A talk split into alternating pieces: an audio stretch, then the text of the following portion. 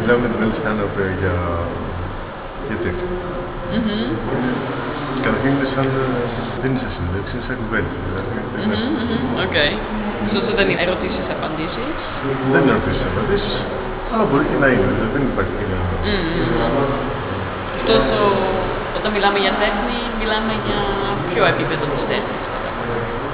Δηλαδή, έχεις κάνει άλλες συνεντεύξεις έως τώρα, τι έχει συζητηθεί στην τέχνη, γιατί εντάξει υπάρχουν πάρα πολλά επίπεδα και υπάρχει πρώτα απ' όλα το νόμο.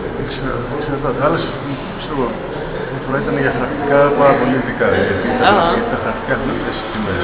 Ενώ ένα Τεχνικά, άλλο- ναι. Ένα άλλο ήταν μια άλλη φορά έτυχε να μιλάμε για τις γυναίκες στη τέχνη. Δηλαδή, συνήθως ο, αυτός ο οποίος μιλάει Έχει μία κατεύθυνση. έχει μια κατεύθυνση μόνη, Ναι. μόνη της.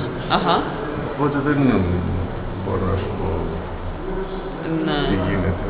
Ε, ότι θέλω να μιλήσεις εσύ είναι γιατί έχεις μια γαλερία που με ενδιαφέρει, γιατί Αλλά, ναι. έχεις, μια χώρο, ε, έχεις μ, τα πόδια σου εδώ και στο Βέλγιο. Α, ναι. Όχι και τόσο πολύ. Ναι. Είχες, δεν ξέρω. ναι, ναι, ναι, ναι. Και πιστεύω ότι θα δώσεις μια εικόνα για το τι, τη δική σου την εικόνα γιατί γίνεται σήμερα εδώ. Τι, ναι. Καλά, είμαι και σε μια ειδική θέση γιατί έχω γκαλερί εδώ και πέντε χρόνια.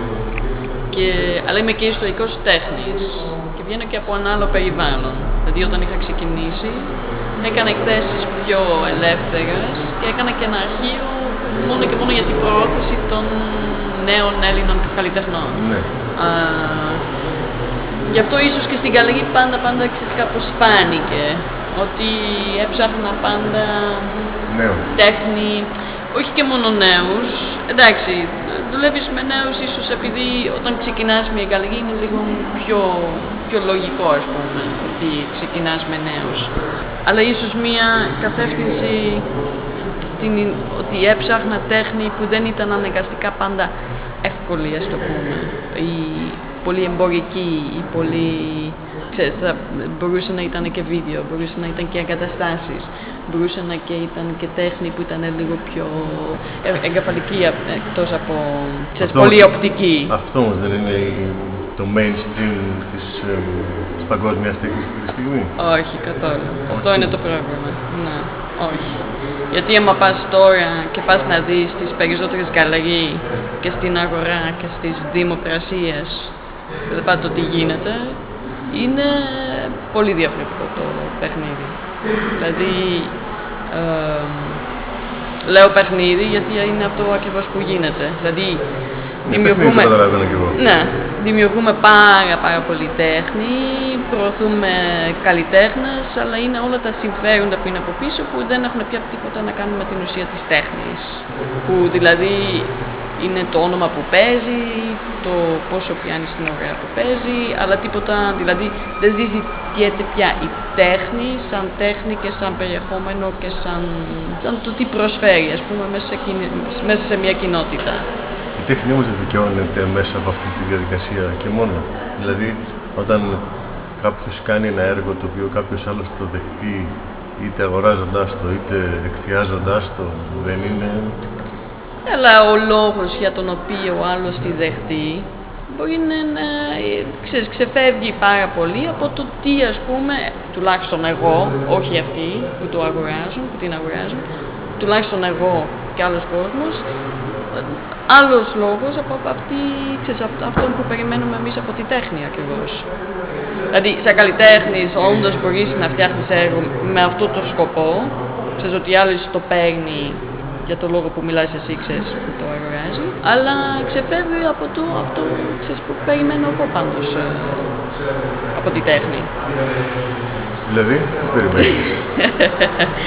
Κοίτα, όταν εμένα δεν με τραβούσε ποτέ η τέχνη να είναι δι- διακοσμητικό, να γίνεται ένα, ξέρεις, απλώς ένα ε, αντικείμενο που ξέρεις, πουλιέται και μ, αγοράζεται, πουλιέται, αγοράζεται, πουλιέται, ξέρεις, μέσα σαν ένα, μέσα στην αγορά. Εμένα με ενδιαφέρει όταν βλέπω τη τέχνη, ότι η τέχνη όντως προσφέρει κάτι, όπως είπες, στην κοινότητα, που σημαίνει μια κριτική θέση, το παγκόσμιο, ξέρεις, σε μία κατάσταση, στο, στην κοινο... ναι, να περιέχει κάποιε έννοιε, να, είναι, να έχει ένα μήνυμα, να έχει ένα συνέστημα. Κοίτα, το να μήνυμα έχει... είναι λίγο δύσκολο γιατί αυτό σημαίνει ότι πάντα κυριολεκτικά θα έχει ένα μήνυμα, ας πούμε, και σκεφτόμαστε αμέσως πολιτική τέχνη, πολ, ε, ξέρεις, ε, κοινωνική τέχνη. Αλλά τουλάχιστον πρέπει η τέχνη να αναζητιάται πάρα. Ας πούμε, εγώ βλέπω τη τέχνη σαν μία, ε, ξέρεις, μέσα στο ακαδημαϊκό κόσμο, θα λέγουμε πώς το λέμε, discipline. Ε, μια τάξη, μια... Μια τάξη, ξέρεις, όπως είναι και οι επιστήμες, όπως είναι και η λογοτεχνία, όπως είναι και Ένα μάθημα, είναι μια κατηγορία. Δεν είναι μάθημα, είναι σαν, ναι, Ένα- μια κατηγορία ένα- ένα δηλαδή. σκέψη. δηλαδή κάτι που, προσ- που, που μπορείς να μαθαίνεις κάτι και όχι που είναι μόνο εκεί για να υπάρξει και το τίποτα άλλο. Που γίνεται ένα προϊόν, ας πούμε. Εγώ δεν βλέπω ποτέ τη τέχνη σαν ένα προϊόν. Βλέπω τη τέχνη σκέτος σαν μια, ξέρεις, σαν τη φιλοσοφία, σαν... ε, Σαν ιδέες, σαν εικόνα. ναι, ακριβώς.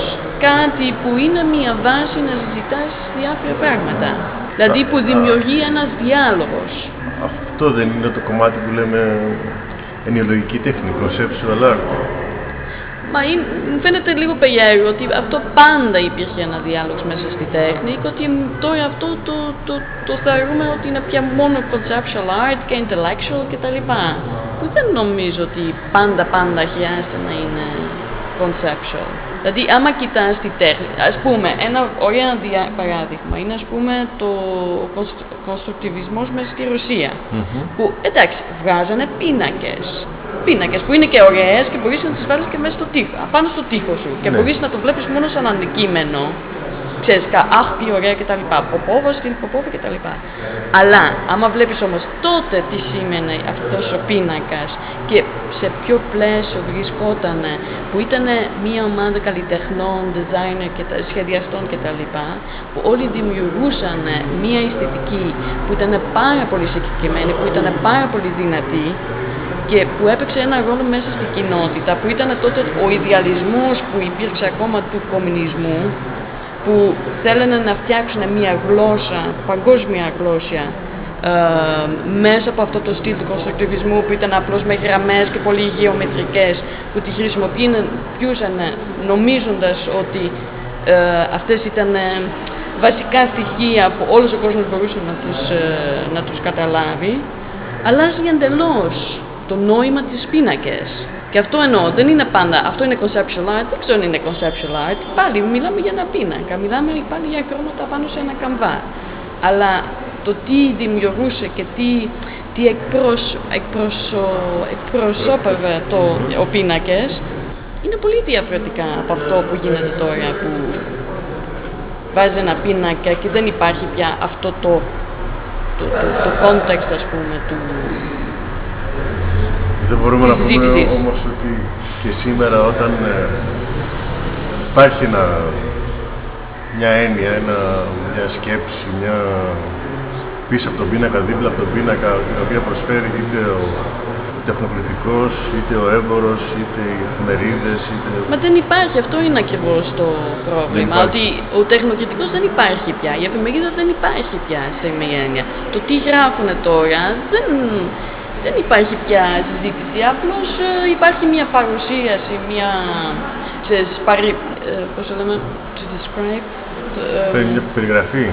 Περιγραφή, ναι, απλώς περιγράφω το τι γίνεται, αλλά δεν υπάρχει ο διάλογος, αυτό ακριβώς. Δεν υπάρχει συζήτηση γιατί έκανε αυτός ο καλλιτέχνης αυτό το πράγμα. Δεν υπάρχει την κριτική, δεν υπάρχει, δηλαδή τώρα δέχονται τα πάντα.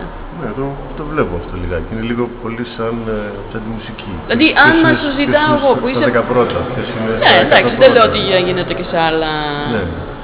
σε άλλα μέρη. Δηλαδή, αν εγώ σου ζητάω τώρα, η τέχνη τώρα ποιες συζητήσεις; Προκαλεί. Εσύ είσαι μέσα στη τέχνη και είσαι και καλλιτέχνης. Πες μου, εσύ τώρα τι, τι παίζει; Α, μπα, αυτό που βλέπω εγώ είναι πώς θα κάνουμε κάποια έργα τα- και πώς θα βγάλουμε λεφτά από αυτά τα έργα. Ποια θα είναι τα- Αλλά αυτό είναι ένα πράγμα το οποίο για μένα και το γύρω μου ισχύει μεν από μια μεριά. Δηλαδή ότι θέλουμε να βγάλουμε λεφτά από την τέχνη. Απ' την άλλη όμως στην πραγματικότητα δεν μπορεί να το κάνεις αυτό γιατί τελικά κάνεις αυτό που, αυτό που είσαι. Εγώ δηλαδή από μια μεριά μπορεί να θέλω να, θέλω να βγάλω χρήματα από την τέχνη. Mm-hmm. Όμως δεν μπορώ να κάνω κάτι άλλο από αυτό που μπορώ να κάνω. Δηλαδή, ενώ είναι σαν να είσαι τυχερός δηλαδή. Κάποιος πουλάει, κα- κάνει κάτι το οποίο ο άλλος το θέλει. Κάποιος κάνει κάτι άλλο που δεν το θέλει. Και οι δύο την αλήθεια λένε, τη δικιά τους την αλήθεια λένε και οι δύο. Αυτό βλέπω από τη δικιά μου τη μεριά. Παραδείγματο χάρη, δεν πιστεύω ότι ο, ο Μποκόρος, ας πούμε, ή ο Ρόρις, ότι είναι ότι δεν ζωγραφίζουν αυτό που θέλουν να ζωγραφίσουν. Ναι, αλλά πώς να είσαι σίγουρος ότι. Δηλαδή, όλοι οι καλλιτέχνες αυτοί ας πούμε, ας πούμε, που δημιουργούν τώρα έργα τέχνης για τη φουάρ. Για τα, για τα πολλές αμερικά φουάρ που γίνονται. Που τα δεδομένα είναι πάντα είναι αρκετά σ- συγκεκριμένα. Καλά. Για χαρά. Το κρυώνες εδώ. ότι κάπως καθευθύνονται σε ειδικές συνθήκες και ότι αυτό παίζει πια με- πιο μεγάλο ρόλο αντί το περιεχόμενο της τέχνης τους, των έργων του. Α, φαντάζομαι, ναι. Δηλαδή, Α- άμα αν και- ξέρεις από και πριν πιο- πού θα δειχτεί και πού θα... Δηλαδή, δεν θα δουλέψεις προς αυτό το... και ότι αυτό αλλάζει η τέχνη σε μορφή και συζήτηση αναγκαστικά. Α, ναι, καταρχήν φαντάζομαι εγώ, παραδείγματος χάρη, ότι δέχομαι ότι υπάρχουν τρεις γενικέ κατευθύνσεις. Παραδείγματος χάρη, τα έργα τα οποία θα πάνε σε μια γκαλερί έχουν ένα άλλο μέγεθος, έχουν μια άλλη, άλλα θέματα. Τα έργα που θα πάνε σε ένα μουσείο κατευθείαν ή θα γίνουν σε μια μεγάλη έκθεση σαν το Κάσελ, σαν την Biennale της Βενετίας, είναι και αυτά άλλα έργα. Δεν μπορεί να είναι μικρά, πρέπει να είναι πάρα πολύ μεγάλα, πρέπει να είναι έργα τα οποία να εύκολα να τα καταλάβει ο δημοσιογράφος για να γράψει ναι. να, να είναι εντυπωσιακά για, να, για όλους. Απ' την άλλη, οι έργα τα οποία θα πάνε σε, σε ένα μουσείο έχουν και αυτά μια άλλη λογική. Δηλαδή, αν το έργο που ετοιμάζει κανείς για ένα μουσείο, αν πούμε ότι έχει κανονιστεί να το κάνει να το πουλήσει έτσι κι αλλιώς, έχει πάλι και αυτό. Πρέπει να είναι κάπως μεγάλο για να μπεις στις μεγάλες αίθουσε του μουσείου. Να Ναι. μην είναι πολύ προβοκατόρικο για να μπορεί να ζήσει πολλά χρόνια στη στήλη του μουσείου.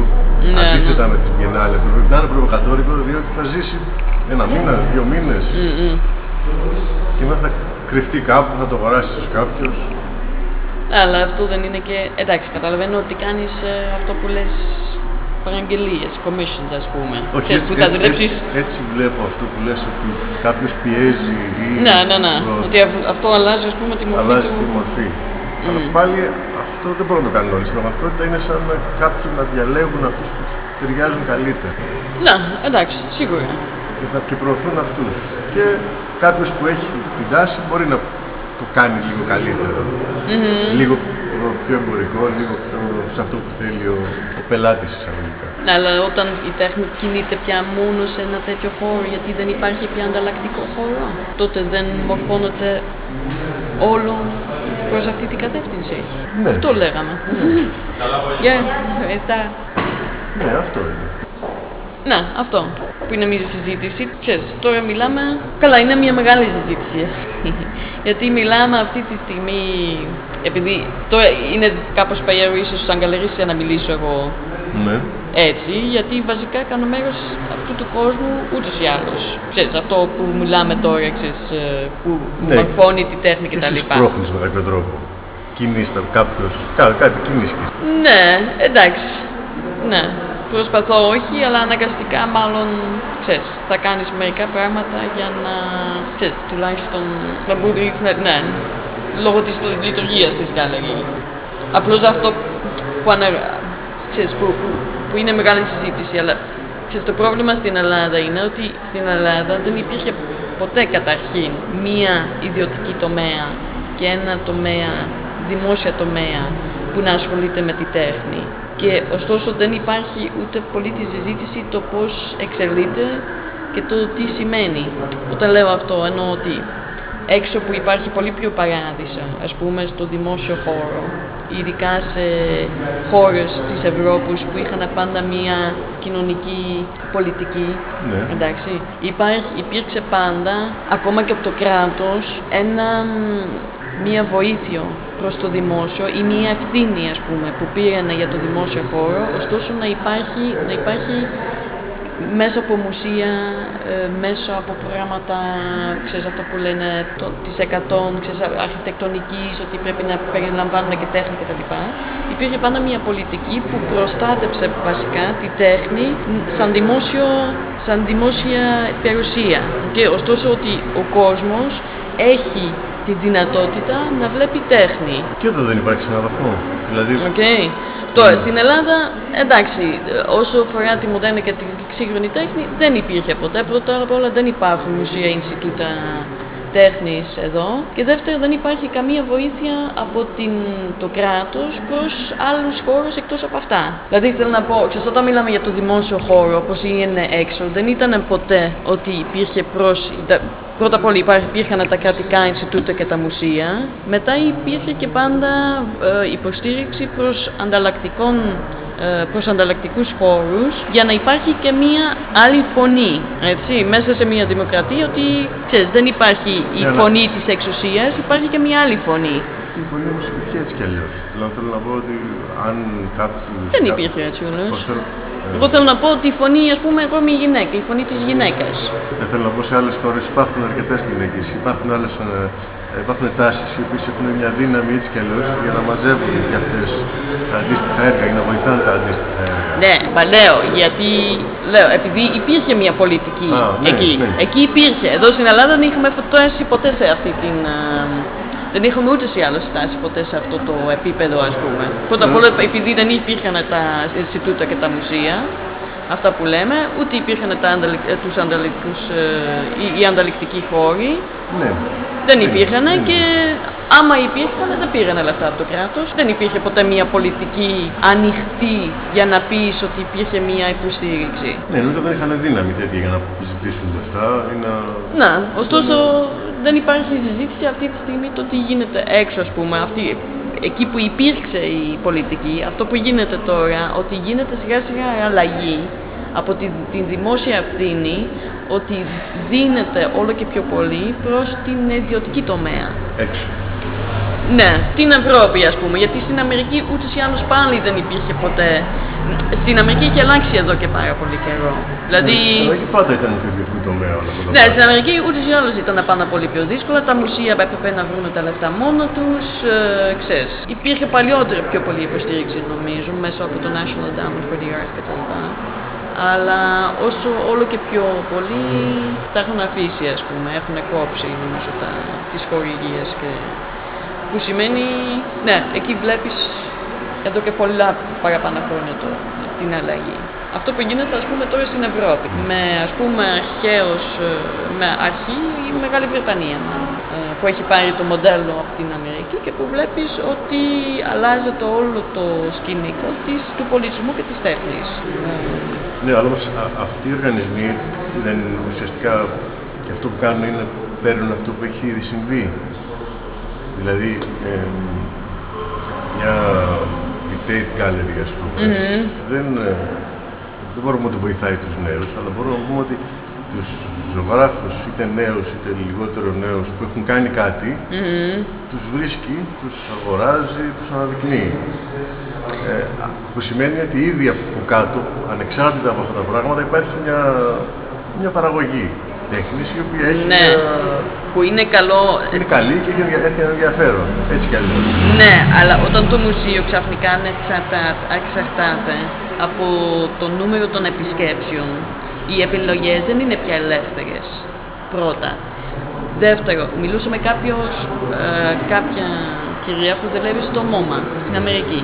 Μου λέει, όταν εμείς προτείνουμε μία έκθεση, παρόλο που είναι πάρα πολύ καλή και ψαχμένη κτλ., γιατί εμείς θεωρούμε το μουσείο ακόμα ότι είναι ένα μέρος ακαδημαϊκό σε μία έννοια, δίπλα από το, το, ενσι- ε, το πανεπιστημιο που έχει και μία ευθύνη να κάνει έρευνα. Γι' αυτό δουλεύουν, δουλέψουν ως το- τώρα πάντα ιστορικοί τέχνες κτλ. που έχουν μία γνώση. Αυτό που γίνεται τώρα όμως, ότι όταν ε, προτείνουν η ιστορική τέχνη εκθέσεις που έχουν ένα ενδιαφέρον για διάφορους λόγους που είναι και μέσα στο μουσείο, μέσα της συλλογής και μέσα στην έρευνα ότι ξαφνικά εξαρτούνται από την Επιτροπή που συνήθως αυτοί που είναι στην Επιτροπή είναι συλλέκτες με συμφέροντα που επιβάλλουν τη δική τους γνώμη. Και αυτό που βλέπεις ότι το μουσείο δεν έχει πια ελεύθερη επιλογή γιατί ο επιμελητής που είναι εκεί και που τον έχουν αναλαμβάνει για ειδικούς λόγους επειδή είναι εκπαιδευμένος για αυτή τη δουλειά δεν έχει πια φωνή και ότι ε, ο συλλέκτης πια είναι αυτός που ξέρεις, θα υποβάλει την, ε, το, το πρόγραμμα της, του, του, μουσείου. Και αυτό θέλω να πω ότι ξέρεις, ξαφνικά ο, δομές, ο δημόσιος τομέας ξέρεις, δίνεται στους ιδιώτες. Γιατί αυτός που είναι στην επιτροπή, που είναι συλλέκτες, αυτός λειτουργεί από, ξέρεις, ε, δημιουργεί από ιδιωτικά συμφέροντα και όχι από δημόσια συμφέροντα. Όπως το λες όμως είναι, εννο, εννοείς ότι σαν να υπάρχει μια τέχνη που είναι καλή, ενδιαφέρουσα και η οποία χάνεται; Αυτό υπάρχει, αλλά βέβαια είναι πάρα πολλοί άνθρωποι που... Που δεν μπορούμε να τη... που χάνεται, που δεν μπορούμε να τη δούμε. Όχι που δούμε, υπάρχουν και άλλοι άνθρωποι που βλέπουν τι γίνεται και που αντισταθούν. Κατάλαβες; Δηλαδή υπάρχουν ανταλληκτικοί χώρα που παρόλο όλες τις δυσκολίες και χωρίς υποστήριξη κτλ. Και, και όπως θα υπάρχουν πάντα, θα κάνουν τα πάντα για να αντισταθούν αυτή την διεύθυνση που γίνεται τώρα, την κατεύθυνση που γίνεται. Οπότε θα γίνουν αυτά τα έργα και τα άλλα έργα. Θα... Ναι, ναι, ναι, ναι, ναι, Αυτό, αυτό λέγαμε τώρα μόλις με την Κατερίνα, ναι, ότι θα... αυτές οι δύο κατευθύνσεις γίνονται ξεχωρίζονται πια εντελώς. Ότι ας πούμε εγώ, ας πούμε, ακόμα με την Καλγή, προσπαθούσα κάπου αυτές οι δύο κατευθύνσεις να τις βάζω μαζί και να βρω μια λύση, ξέρεις, να μπορώ να κάνω μια γκαλερί που είναι εμπορική και να μπορώ να κάνω και μια τέχνη που έχει μια ουσία ακόμα. Αλλά όσο γίνεται τώρα, η, η ξύνη, ε, σκηνή, ακόμα και σε μουσεία και τα λοιπά που έκανα διάφορες προτάσεις, εκθέσεις και τα λοιπά, ήταν πάντα, ξέρεις, και μου λέγανε ποιο θέμα και τους ενδιαφέρει και τα λοιπά, έλεγα πάντα αυτό, με ενδιαφέρει να δω το τι γίνεται στην αγορά και τι γίνεται εκτός και αν, αν υπάρχει μια δυνατότητα για ε, να, να, να βρούμε, ξέρεις, μια, ένα κοινό δρόμο. Ξέρεις, για να μπορούν αυτά τα δύο πάλι να συνδυάζονται. Και τώρα, ας πούμε, μιλάζουμε με την Κατρίνα, μου λέει και η Κατρίνα δεν έχουν ξεχωρίσει πάρα τόσο πολύ αυτοί οι δύο δρόμοι που δεν συνδυάζονται πια. Ξέρεις. Δηλαδή γίνεται τώρα μια ανταλληκτική και αντιστατική ε, κίνημα που, ξέρεις, δεν, ε, δεν έχει κάποια, καμία σχέση με αυτό που γίνεται μέσα στην αγορά και στα μουσεία κτλ. Αυτό σημαίνει ότι... Στο λεγόμενο δημόσιο χώρο ε, και στο σημειωτική τομέα. Κάποια έργα θα παραχθούν και θα αποθηκευτούν κάπου αλλού μέχρι να τα βρει κάποιος άλλος και να του αρέσουν κάποια στιγμή. Όχι, απλώς κοίτα, αυτά τα έργα εντάξει, που μπορεί να είναι και εφήμερα, ας πούμε. Ξέρεις, πολλά γίνονται και βίντεο, πολλά γίνονται και απλώς θα διχτούν ας πούμε αλλιώς, ε, δηλαδή σε άλλα μέρη και μέσα σε άλλα δίχτυα. Ναι, όμως αυτό δεν είναι σαν, πώς το αν πούμε το έργο είναι μια, μια ιδέα, μια σκέψη, μια, μια πρόταση ε, η οποία απε, απευθύνεται πάλι σε συγκεκριμένους ανθρώπους. Δηλαδή, μερικοί, ξέρω εγώ, μερικοί θέλουν να δουν τον Γκρέκο, μάλλον πολλοί θέλουν να δουν τον Γκρέκο και λίγοι θέλουν να δουν το το Γρηγοριάδη που έχει κάνει που με κάνει έκθεση που έκανε έκθεση τώρα. Οι πολλοί είναι ευχαριστημένοι με τον Γκρέκο και οι λίγοι είναι πολύ ευχαριστημένοι επίσης με τον Γρηγοριάδη. Δεν Θέλω να πω δηλαδή ότι. Ναι, αλλά εγώ δεν πιστεύω τόσο πολύ στο κοινό, δυστυχώς. Αλλά δεν πιστεύω τόσο πολύ στο κοινό, στην έννοια ότι μέσα σε μια δημοκρατία πάντα λέγουμε ότι ξέρεις, θέλουμε να εκπαιδεύουμε το κοινό, ωστόσο το κοινό ας βλέπει. Ξέρεις, ας έχει πρόσβαση στη τέχνη. Αλλά εγώ νομίζω ότι πρέπει κανείς να προσέχει πάρα πολύ με αυτό το, την ιδέα του κοινού, γιατί το κοινό βασικά ακολουθεί μία γνώμη και δεν δημιουργεί γνώμη. Ξέρεις, μέσα στη τέχνη έχω δει πολλές, πάρα πολλές φορές ότι αν, πούμε, ας κάνει, αν θα κάνεις ένα blockbuster και γι' αυτό λέγεται κιόλας έτσι και βάζεις απλώς κάτι έργα κλειδί, ξέρεις, masterworks, ότι όντως γεμίζεις το μουσείο. Το τώρα, το τι παίρνει το κοινό πίσω από αυτό είναι το παραμικρό. Δηλαδή ούτε από γνώση, ούτε από, ξέρεις, δεν, εγώ δεν πιστεύω τόσο πολύ ότι βάζοντας εύκολα πράγματα που τα έχουν ξαναδεί και τα, ξα... τα έχουν ξαναδεί, ότι τα δέχονται μόνο και μόνο επειδή ήδη τους έχουν προτείνει σαν τελειωμένη γνώμη ότι αυτή είναι καλή τέχνη, ο Γκρέκος είναι μεγάλος και ωστόσο θα τον δεχτούν, και το κοινό όντως τον δεχτεί και ούτε καν το συζητάνε πια αν όντως τους αρέσει ή όχι. Αυτό θέλω να πω. Εγώ δεν πιστεύω τόσο πολύ ότι το κοινό όντως έχει μια αυθεντική γνώμη. Νομίζω ότι το κοινό γενικά έχει μια δανεισμένη γνώμη. Δηλαδή, ίσως ιδιωτικά θα πούνε, ξέρεις, η οικογένεια που θα πάει να δει το Γκρέκο ή τα Masterworks ή του Μπουρδά, θα πάνε και θα πούνε «Αχ, τι ωραία, γιατί έτσι περιμένει το τι» και θα πάνε σπίτι και μεταξύ τους θα πούνε «Αχ, ξέρεις, δεν μ' αρέσει καθόλου». Κατάλαβες, ναι. αλλά θέλω να πω, δεν λέω ότι δεν έχει μια γνώμη, αλλά προς τα έξω θα ακολουθούν αυτό που τους έχει προσφερθεί. Αυτό. Μμ. Ωστόσο, όταν μου λες ο Γιάννης που είναι καινούριος καλλιτέχνης, εγώ δεν πιεμένει το κοινό να του αρέσει και να του αρέσει ο Αλγκρέκο, γιατί τον Αλγκρέκο τον, τον, του, τους αρέσει για τους λάθος λόγους και τον Γιάννη δεν χρειάζεται να, του, το, να τους αρέσει, γιατί κανεί, κανένας τους έχει προσφέρει κιόλας το Γιάννη Γρηγοριάδη. Δηλαδή, δηλαδή δεν έχει βγει ακόμα η κοινή γνώμη ότι ο Γιάννης Γρηγοριάδης είναι καλός και μεγάλος καλλιτέχνης, ωστόσο δεν χρειάζεται ούτε για το κοινό να δεχτούν τη γνώμη ότι είναι καλός και μεγάλος. Έχει όμως τους... ε, Δηλαδή, άμα βάζεις ένα καλλιτέχνη και ένα. Όπως γίνεται, αυτό γίνεται, γίνεται ακριβώς στην αγορά. Βάζεις ένα καλλιτέχνη, ας πούμε, όταν ο Ιωάννου αγοράζει, ας πούμε, ένα έργο του Κούνς και το προσβάλλει ξανά και ξανά και ξανά και έχει και μεγάλες τιμές και φαίνεται παντού και είναι σε όλες τις εκθέσεις, δημιουργείς ένα περιβάλλον που είναι πια δεχτεί ότι ο Κούντς είναι μεγάλος καλλιτέχνης. Ναι, κάπως Εντάξει, έτσι, ναι. κάπως έτσι. Ακριβώς. Και λίγοι είναι αυτοί που θα αντισταθούν τουλάχιστον δημόσια ότι δεν είναι έτσι πια. Και αυτό γίνεται τώρα στην αγορά, ότι όλο αυτό, γι' αυτό σου λέω παιχνίδι, γιατί αυτό που γίνεται τώρα είναι ένα παιχνίδι, ότι ακριβώς αυτοί ξέρεις, επιχειρήσεις, αυτοί οι συλλέκτες κτλ.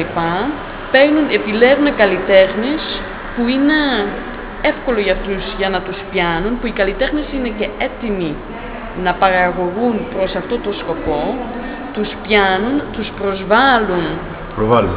τους προσβάλλουν μέσα στο δημόσιο χώρο, ξανά και ξανά, στο δημόσιο χώρο δηλαδή μέσα φουάρ, μέσα Ινστιτούτο, μέσα μεσικητρά, ξανά και ξανά και ξανά, για να ανεβαίνουν και τις τιμές. Υπάρχει και την επένδυση μέσα στο νέο καλλιτέχνη, αγοράζουν και μετά πουλάνε. Ναι, και μα- ξυπουλάνε κιόλας και βλέπεις και καλλιτέχνες όπως τον Damien Hirst, ας πούμε. Ξέρεις, έγινε και σκάνδαλο κιόλας γιατί μπορείς και να καταστρέψεις, αν θέλεις, ένα καλλιτέχνη έτσι. Και Ναι, αυτό μα γίνεται υποτίθεται τώρα ότι- συνέχεια. ότι η- Τα έργα τέχνης είναι καλύτερη επένδυση από μετοχές. Μα είναι, μα λόγω αυτό.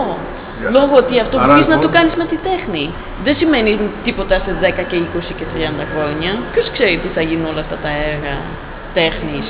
Η τέχνη γενικότερα είναι λόγω ότι υπάρχει όλο αυτό το, το, το speculation. Ξέρεις, είναι και το speculation. Κατάλαβες; Που σίγουρα θα είναι θύματα. Ας πούμε ο Ιαπανέζος που έχει πάρει το Van Gogh για δεν ξέρω 88 εκατομμύρια δολάρια που ήταν τότε ρεκόρ. Ε, δεν τα έχει πάρει πίσω ποτέ. Όχι μόνο αυτό. Νομίζω ότι το Μα- πούλησε για 30 εκατομμύρια. Α, Να. α, απ' την άλλη αυτά όμως- Καταλαβες. όλα Αυτά... δεν τα ακούς, αλλά Ναι. υπάρχει και αυτό. Γιατί είχε φτάσει μια κορυφή και μετά βέβαια δεν υπήρχε πια η αξία. Τι σημαίνει 88 εκατομμύρια, δεν σημαίνει τίποτα. Ναι. Δεν σημαίνει τίποτα, είναι απλώς μια φτιαχτή αγορά. Δηλαδή είναι μόνος στην ιδέα του, της αξίας. Δηλαδή αυτό που λέγαμε, η τιμή είναι στην αξία ή η αξία είναι στη τιμή. Απ' την άλλη όλα αυτά όμως δεν κάνουν μια αλήθεια. Όλα αυτά φτιάχνουν μια πραγματικότητα. Ναι, Αν- για αυτούς ναι. Δηλαδή Όχι. άμα θες να συμμετέχεις σε αυτό, ναι, τότε για σένα είναι μια αλήθεια. Δεν είναι για όλους μια αλήθεια, γιατί δεν είναι για όλους μια αλήθεια αυτό; Γιατί αν εγώ βλέπω έναν καλλιτέχνη ή ένα έργο τέχνης, που εγώ στον ιστορικό τέχνης, που ξέρω δύο-τρία πράγματα, εντάξει, που έχω σπουδάσει και βλέπω μια, ένα έργο που μέσα στην ιστορία τέχνης, μέσα στη τεχνική, δεν έχει τίποτα να προσφέρει καινούρια. Και βλέπω ξαφνικά αυτό το έργο να κυκλοφορεί μέσα στην αγορά και ξαφνικά να βγαίνει σε δημοπρασίες, ξαφνικά να, να πιάνει τρελές τιμές, λέω για μένα τότε δεν είναι αλήθεια αυτό. Την έννοια ότι το έργο για μένα παρα- είναι και παραμείνει ένα κακό έργο. Και δεν με πειράζει ποια τιμή ας πιάνει και ποιος το έχει πάρει. Όχι, θέλω να πω όμως ότι Δηλαδή- ε, το ότι ένα έργο τέχνης μπορεί να χρησιμοποιηθεί για, για χρήματα, να χρησιμοποιηθεί για δύναμη, να χρησιμοποιηθεί για φιγούρα. Θέλω να πω ότι έχει Ναι. μια. αφού τελειώσει από το καλλιτέχνη το έργο και, και βγει προς τα έξω, έχει μια, μια διαδρομή, μια κίνηση Ναι, που ναι. δεν είναι καλλιτεχνική μεν, είναι όμως πραγματικότητα δε. Ναι, αλλά... Ο Βαγκόγκ, συνηθ- ας πούμε, το ότι έχει, το έχει, το έχει φτάσει από τα 80 εκατομμύρια πόσα είπες, ε, έφτασε, ξέρω εγώ, 100 χρόνια μετά την κατασκευή του, που σημαίνει ότι έχει μια δύναμη από μόνη της, που η κοινωνία Ναι, το, το κινεί, το διαπραγματεύεται, το οποίο δεν είναι ακριβώς ως έργοτέχνης, αλλά ως μια άλλη ναι, κοινωνική αυτό, αξία. σαν, ναι, ναι, ναι, σαν ιστορική αξία, Ναι. σαν το, το γεγονός ότι είναι λίγα κομμάτια που υπάρχουν κτλ. Αλλά, ναι, αλλά έχει μια λογική εκεί, ακριβώς αυτό, ότι ένα έργο της, του, το, ότι το έργο του Van Gogh κοστίζει 88 εκατομμύρια δεν σημαίνει τίποτα βέβαια. Τι αξία είναι αυτή; Ναι, Κατάλαβες, η αξία είναι μόνο στη δημοκρασία που ένας ας πούμε, ξέρεις, προσβάλλει τον άλλον. Ναι. Αυτό. Και ανεβαίνουν οι τιμές που είναι και λίγο, ε, show off ας πούμε. Και που υπάρχει Α. τώρα, γιατί το, το, το αντίστοιχο που υπάρχει στο μουσείο, το οποίο δεν θα πουληθεί ποτέ, δεν ξέρουμε πόσο, πόσο λεφτά κάνει, αυτό δεν θα πουληθεί ποτέ. Ναι, γι' αυτό. Είναι πάρα πολύ καλό, είναι τέλειο, κλεισμένο στο κουτί του. Στο... Ναι, ναι, ναι, Στην αίθουσα. ακριβώς. Γι' αυτό, τι αξία έχει το, το... Η αξία είναι μόνο όταν βγαίνεις στην αγορά και έχεις αρκετούς κόσμους, έχεις αρκετούς, ε, αρκετούς αγοραστές για να φτιάχνουν την τιμή, τιμή για σένα. Σωστά; Τώρα, η πραγματικότητα... Πιστή. Α, ναι. Τώρα, η, η πραγματικότητα, βέβαια μπορείς να πεις τη στιγμή που κάτι υπάρξει, γίνεται μια πραγματικότητα. Δηλαδή, ως, τη στιγμή που υπάρχει μια αγορά και υπάρχει συζήτηση, είναι μια πραγματικότητα. Ναι. Σε αυτή την έννοια, ναι, σωστά. Ε, ωστόσο, αυτό που λέω ότι η αγορά είναι μια πραγματικότητα σ- σε αυτή την έννοια, αλλά από την άλλη δεν βασίζεται όμως απάνω σε Σε πνευματικές- δεδομένα, σε- σε μια, ξέρεις, σε μια, αυτό που λέμε ουσία, βασικά στοιχεία, ξέρεις, ε, κάτι, δηλαδή όταν εγώ σου πουλάω ζάχαρη, θα το αγοράζεις γιατί το έχεις ανάγκη, για να φας, οκ; Αυτό που έγινε με τις μετοχές, ας πούμε, με τις μετοχές το, το, με τα .com, ξέρεις, βασικά, ε, του λέμε κιόλας ε, φούσκα. Γιατί είναι μια Ναι. φούσκα, γιατί είναι βασισμένα πάνω σε κάτι που δεν είναι, αυτό που λέμε speculation. Είναι βασισμένα πάνω σε κάτι που δεν έχει πια ουσία, δεν υπάρχει πια η αξία από κάτω, όντως. Δηλαδή οι εταιρείες πουλάγαν ε, μετοχές για κάτι τεράστιες τιμές, που ετι- η εταιρεία πια δεν εκπροσωπούσε πια αυτή την αξία των μετοχών. Και γι' αυτό έγινε όλο το crash. Στη τέχνη είναι λίγο το ίδιο, δηλαδή είναι φτιαγμένη η αγορά. Δεν μπορείς να πεις είναι μια πραγματικότητα, αλλά είναι, τι είναι η πραγματικότητα στη- τη στιγμή που δεν υπάρχει πια η αξία από κάτω. Δηλαδή, όταν βλέπεις νέους καλλιτέχνες που είναι 25 χρονών ή 30 χρονών και ξαφνικά από μέσα σε δύο χρόνια πάνε από 1000 ευρώ για ένα έργο σε 100.000 ευρώ, πού έχουν αποδείξει την αξία αυτήν; Κατάλαβες. Και μετά, μετά από δύο χρόνια, όταν οι άλλοι έχουν ε, βγάλει τα λεφτά στην τσέπη τους, αυτός ο καλλιτέχνης ξανα εξαφανίζεται, ας πούμε. Αυτό γίνε- γίνεται συνέχεια, δεν είναι Ναι, ότι γίνεται δεν συνέχεια. γίνεται. Και ξέρεις. τώρα και πριν από 100 χρόνια και πριν από 200 χρόνια. Δεν νομίζω ότι στην ιστορία πάντα έγινε τόσο δυνατόν. ε, Τόσο μεγάλες ε, διαφορές. Γιατί δεν είχε αυτό το χώρο, το... ναι, δεν νομίζω ότι υπήρξε, γιατί δεν υπήρχαν ποτέ τις συνθήκες της αγοράς όπως υπάρχουν τώρα. Ε, δεν νομίζω ότι μπορείς να βγεις, μπορείς να μου πεις ας πούμε ο Βατικάνος κάποτε που είχε πάρα πολύ εξουσία και πάρα πολλά λεφτά, ξέρεις και έκανα τόσες παραγγελίες στους καλλιτέχνες και τα λοιπά, μπορεί να ήταν κάτι αντίστοιχα. Ξέρεις, μια μεγάλη αγορά με πολλές παραγγελίες, που...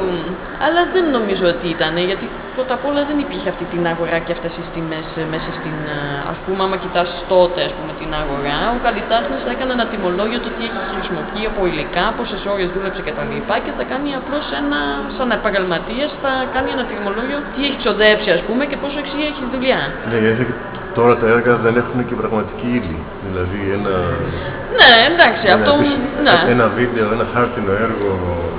ε, Ναι, ξέρεις, αλλά εντάξει, ένα- που είναι ούτως ή άλλως.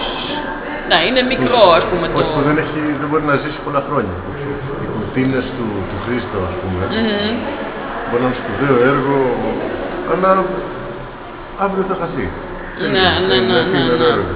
Πουλάς όμως ε, ιδέες, πώς το λένε, παρουσιάζεις ιδέες. Ε, Δεν έχουν μια άμεση σχέση με τα, με τα χρήματα για να πεις πόσο κάνει. Να το... Του μέσα στη τέχνη; Ναι, μέσα στην τέχνη. Ναι, αλλά αυτό λέω. Υπάρχουν ακόμα ιδέες ας πούμε, πίσω από όλα αυτά τα έργα που πωλούνται και όλο και συνέχεια. Αυτό. Υπάρχει ακόμα μια ουσία σε αυτή τη τέχνη που πωλιέται συνέχεια; Ή δεν υπάρχει πια ούτε καν; Στο βαθμό που έχεις μια καταρρίδα δεν σημαίνει ότι υπάρχει. Ναι, αλλά επειδή εγώ το συζητάω, το, το, το, το, το συζητάμε, κατάλαβες, που δεν είναι όμως έτσι σε όλες τις... ε, δεν είναι συνήθως έτσι, αυτό. θέλω Ναι, να αλλά πω. δεν είναι λίγο πολύ παντού έτσι. Παραδείγματος χάρη, τα... υπάρχουν πάρα πολλά McDonald's, πάρα πολλά goodies και που πουλάνε φαγητό το οποίο δεν είναι πάρα πολύ καλό και απ' την άλλη μπορεί κανείς στο σπίτι του να μαγειρέψει μόνος του ένα πολύ ωραίο φαγητό το οποίο όμως δεν θα μάθει κανείς τι καλός μαγειρός που είναι, Ναι, αλλά εντάξει, τι ωραία που μαγείρεψε. εσύ θα Υπάρχει πάρεις μία όμως. θέση. Ε, θα Εσύ πάρω- θα πάρεις μία θέση θα για τον πάρω μία εαυτό θέση, σου. ναι. Ναι, αυτό.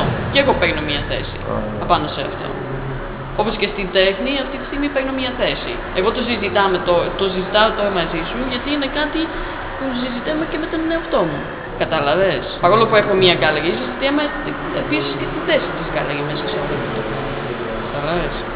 Ναι, όμως υπάρχει αυτό το πράγμα. Θέλω να πω δηλαδή ότι κανείς, έστω αν δεν γίνει, αν δεν γίνει πάρα πολύ γνωστός, αν ο κύκλος της επιρροής του είναι μικρός, μπορεί να μην φαίνεται όταν κανείς στο, το δει από πάρα πολύ ψηλά, θα δει μονάχα τα μεγάλα μουσεία και τέτοια και δεν θα δει το μικρό εργαστήριο που γράφει κάτι, αλλά υπάρχει και είναι κάτι. Α, ναι. Το, ίσως το ζήτημα είναι πόσο θα καταφέρει να, να συνεχίσει να κάνει αυτό που κάνει. Καλά, σίγουρα. Αυτό είναι σίγουρα. Ναι. Δηλαδή πολλά που γίνονται ιδιωτικές πρωτοβουλίες αυτά. Αλλά ναι, κα- εξαρτάται και σαν καλλιτέχνης μπορείς να πεις αφού είναι η δουλειά μου, το κάνω. Και δεν μπορώ να μην το κάνω αφόσον είμαι. Σωστά. Και θα το κάνεις με οποιοδήποτε τρόπο μπορείς. Κατάλαβε. Αυτό είναι. Ναι, υπάρχει όμως ένα, ένα όριο. Σε μένα Ναι, τουλάχιστον ίσως, υπάρχει ναι, ένα, σε πολλούς υπάρχει, υπάρχει ένα όριο, δηλαδή. Και αυτό γίνεται και συνέχεια. Δηλαδή, όταν μιλάμε για ανταλλακτική οικονομία ή ανταλλακτικής ε, χώρους κτλ., θα βλέπεις ότι βέβαια υπάρχει εκεί που το μουσείο το Louvre είναι εδώ και 200 αιώνε, θα βλέπεις σε αυτούς τους χώρους ότι υπάρχει μια ανταλλαγή, μια αλλαγή, ξέρεις, ε, πολύ γρήγορη. Ναι, Δηλαδή μερικά χρόνια και μετά κλείνει και ανοίγει κάτι κλείνει, άλλο. ανοίγουν άλλα κτλ. Αλλά παρόλο που μπορείς να πεις ότι εντάξει, αξίζει αυτό ή να, αξίζει. Νομίζω πως ναι, αξίζει αυτό. Πρέπει να υπάρχει πάντα αυτό. Δηλαδή κανονικά θα, θα ήταν καλύτερο να υπάρχει μια δημόσια ευθύνη ξέρεις, και να υπάρχει μια υποστήριξη. Όντως να υπάρχει αυτή την ανταλλακτική φωνή. Αυτό που έλεγα, μια άλλη φωνή εκτός από αυτό που γίνεται. Ξέρεις, ε, Ναι, αλλά αυτό είναι σαν και, σαν και τα κόμματα τότε, άμα το βάλεις έτσι. Δηλαδή υπάρχουν δύο μεγάλα κόμματα, τρία μεγάλα κόμματα. και Υπάρχουν πάρα πολλά. Ναι, αλλά μια, στη δη- μέσα σε πολλές μια μικρές δημοκρατία. ομάδες. Ναι, αλλά αυτό είναι καλά Ναι, επίσης. που άλλες τις ακούς, άλλες δεν τις ακούς. Ναι. Άλλες... Αλλά ίσως είναι καλά ότι υπάρχουν αυτοί. Ναι. Γιατί δεν θέλεις μόνο δύο κόμματα, Όχι. όπως ε, γίνεται στην Αμερική, ας πούμε, που είναι εντελώς ε, by, ε, by ε, partisan πια. Όχι by partisan, ναι, πώς το λένε; Δημοκρατική και ρεπουμπλικάνη. Δημοκρατία και βασικά, ναι, που είναι μια δημοκρατία βασικά παίζεται μόνο σε μεταξύ δύο κόμματα και πάλι καλά που υπάρχουν αυτά. Ξέρεις, τουλάχιστον έχουμε μια λεγνώμη, υπάρχει μια ισορροπία. Αλλά, καλησπέρα. Γεια. Γεια. Είστε καλά; Ναι, ναι, ναι.